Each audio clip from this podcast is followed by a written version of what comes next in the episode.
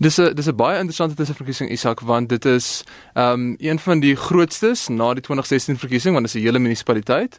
So vir die vir die eerste keer kan ons ehm um, sien hoe 'n groot klomp kiesers ehm um, nou besluite neem na 2016 en en dit gee ons 'n idee van van hoe ehm um, hoe kiesers se koppe werk voor 2019.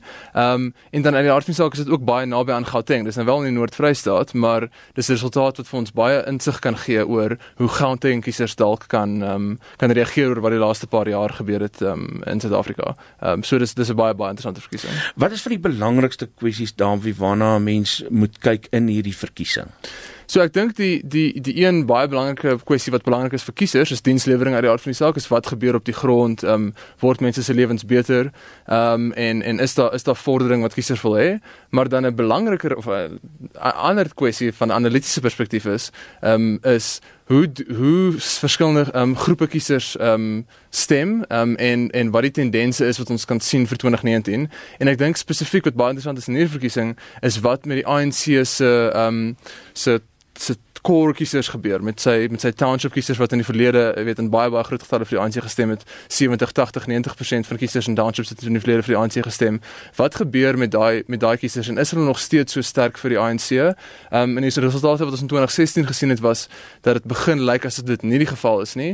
En met hierdie verkiesing en met Simalo gister um, was dit verseker nie die geval nie met die ANC wat wat baie groot getalle verloor. Um, in in van die wyke wat al klaar wat al klaar uit is om net vir jou 'n idee te gee Isak. Ehm um, in byvoorbeeld 2014 is daar in die, in die townships in Metsimaholo het die ANC omtrent 80% van die stem gekry. Ehm um, in 2016 het hulle was hulle afname omtrent 65 toe. Vir die resultate wat ons in het tot dusver het die ANC 42% van die township kiesers gekry in Metsimaholo. So dit is dis 'n ongelooflike groot verskywing. Ehm um, en indien daai tendens aanhou, um, ons het nog net tipe van 20% van die stemme in, so daar's nog 'n hele klomp stemme wat moet inkom. Maar indien daai tendens aanhou in Metsimaholo, is daar absoluut geen manier dat die ANC by 50% kan kan aankom of of enigstens naby aan, aan dit nie. Ehm um, maar ek dink die groter prentjie is ook as daai tendens aanhou in plekke buite Metsimaholo.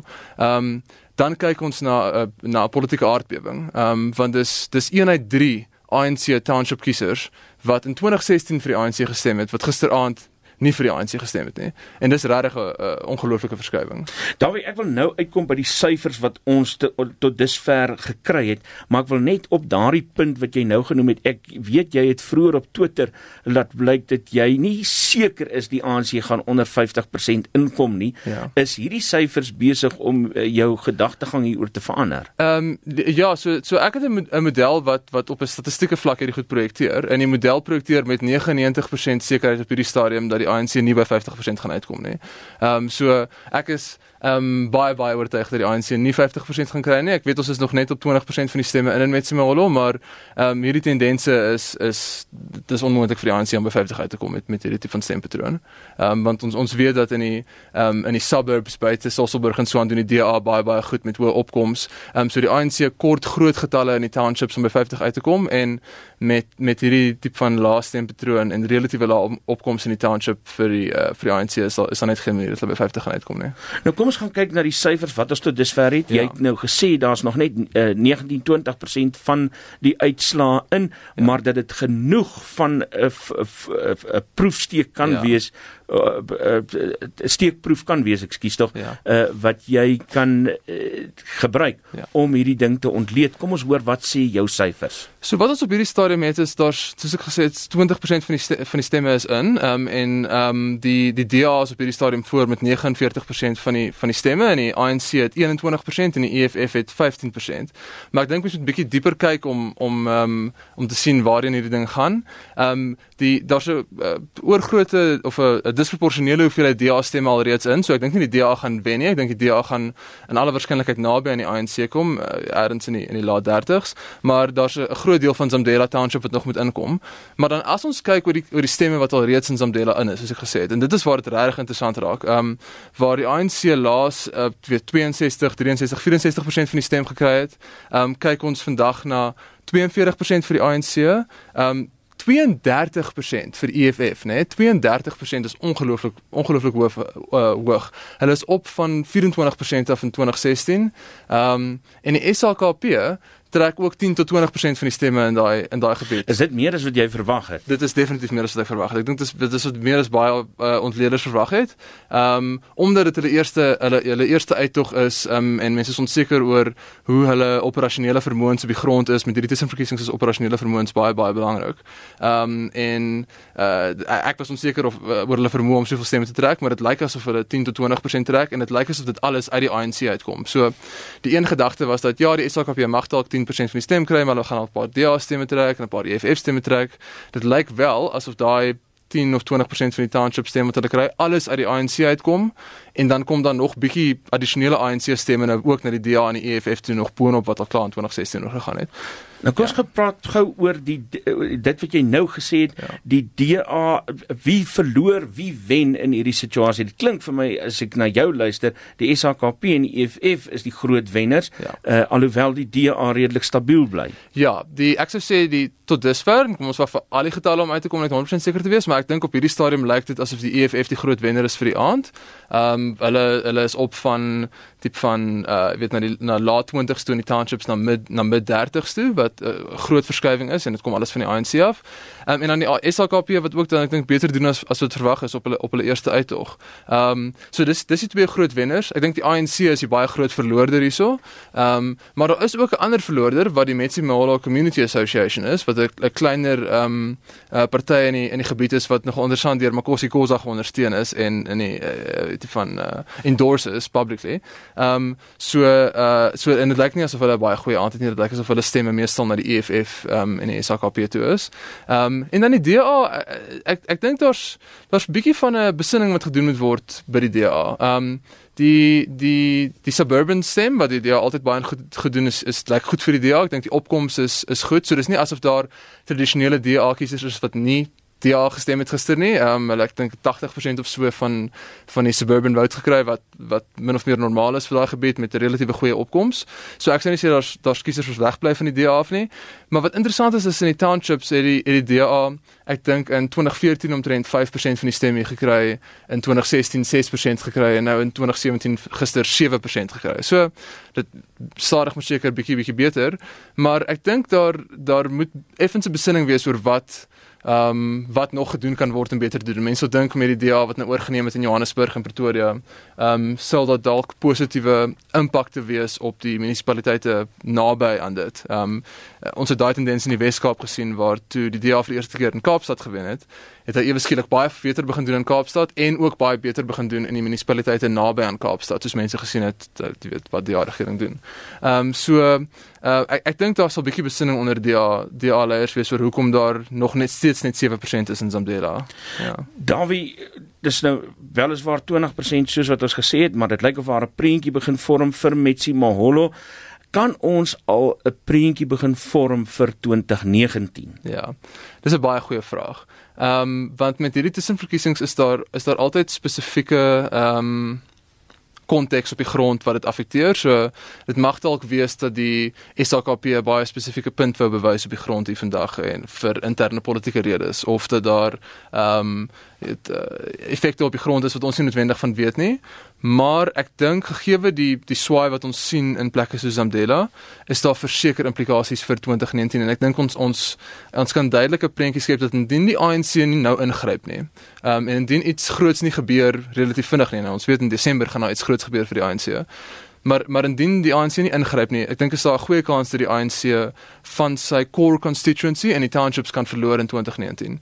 Ehm um, en as ons kyk na provinsies soos Gauteng, ehm um, wat as you know, as mens die stempatroon projekteer vir 2019, dan so ek sê is die, is die beste raaiskoot voor gister se verkiesing dat die ANC in die hoë 40s is in Gauteng as as die 2016 resultaat homself net weer herhaal die die wat maar wat wel nou geïmpliseer is deur hierdie uitslag van gisteraand is dat die ANC nog selfs swakker kan doen in die townships.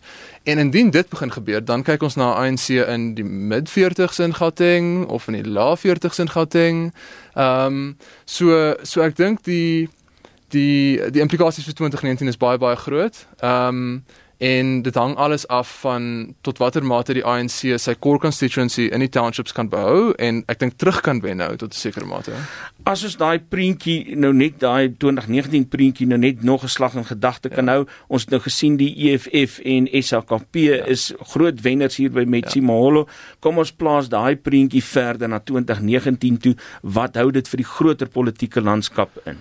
Ek dink ek dink dit is duidelik dat koalisiepolitiek ehm um, groter en groter, groter moontlikheid word ehm um, veral op provinsiale vlak. Ehm um, so ek dink ek dink in Gauteng is dit is dit baie waarskynlik dat ons na koalisiepolitiek kyk in 2019. Ehm um, so dit gaan interessant wees om te sien of die of die DA en die EFF bereid is om ook op provinsiale vlak saam te werk. Dit is maklik om saam te werk wanneer ehm um, baie gebou moet word en relatief eenvoudige diensleweringkwessies bespreek moet word, maar op provinsiale vlak raak daar ehm um, meer komplekse kwessies op die tafel ehm um, wat die DA en die EFF nie noodwendig altyd oor saamstem nie. So dit sal interessant wees om te sien of hulle bereid is om saam te werk in 2019 ehm um, om moontlik die ANC uit te skop uit Gauteng uit. Ehm um, so dis dis dis die een ehm um, ek dink interessante vraag. Die ander interessante vraag is as die SAKP nou regtig wegbreek en ek is nog nie oortuig dat hulle eintlik in 2019 ehm um, die die volle die volle in 'n pad gaan stap en gaan staan nie. Ek dink daar's 'n kans dat wat gebeur het met Simolo dalk net 'n interne politieke ehm um, move was.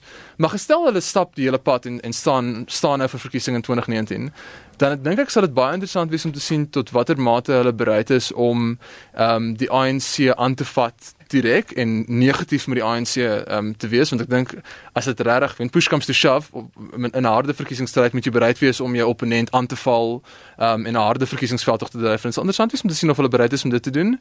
En dan ook sal dit interessant wees om te sien na die verkiesing met wie die SLKP nou saamwerk. Word hulle 'n oppositieparty wat bereid is om saam met oppositiepartye te werk of is hulle 'n uh, quasi ANC party wat maar net weer saam met die ANC in koalisie gaan? Ek dink dis 'n oop vraag wat ons nie op hierdie stadium antwoord vir het nie. Nou daai ANC waarvan jy praat, het 'n baie groot skip om om te draai as 'n mens kyk na die trant waarteen hulle op hierdie glybaan afgly. Hmm. Uh, En een van die groot probleme wat hulle op die oomblik het is uh, duidelik nou net voor die verkiesingskonferensie die takke die ja. en die provinsiale uitvoerende komitees ja.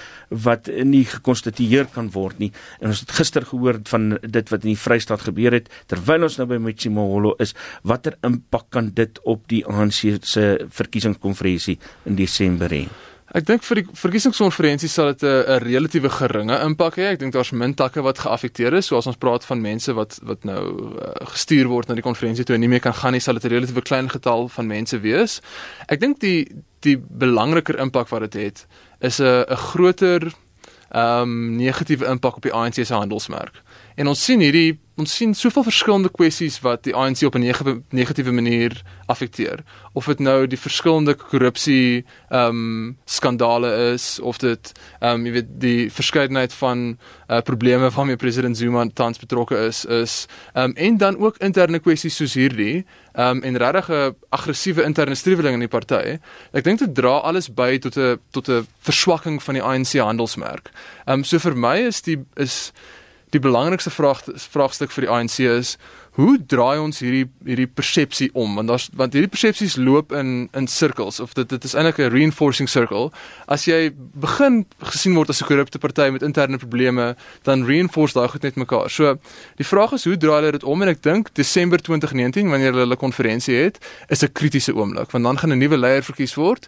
En ek dink dit gaan 'n ongelooflike sterk leierskaps ehm um, dryf en oomblik kort vir die nuwe leier om sy of haar ehm um, stempel af te druk en te sê dis hoe die ANC nou gaan werk. Ons gaan nie meer korrupsie duld nie en dis die stappe wat ons gaan neem en dan regtig stappe te neem um, om die om die ding om te draai. Ehm um, so ja, ek dink ek dink die Desember oomblik en wat die leier die nuwe leierskap gaan doen na na Desember en vir die ANC gaan gaan van kardinale belang wees vir dit. Is dit moontlik? Is dit moontlik vir die ANC? Om haar skip om te draai soos wat hy op die oomblik lyk? Ehm um, ek dink dit is ongelooflik moeilik as 'n party sy interne ehm um, institutions ehm um, verswak het. Ehm um, kom ons kyk. Ek ek het nie ongelukkig nie vir jou 'n antwoord nie. Dis 'n observasie.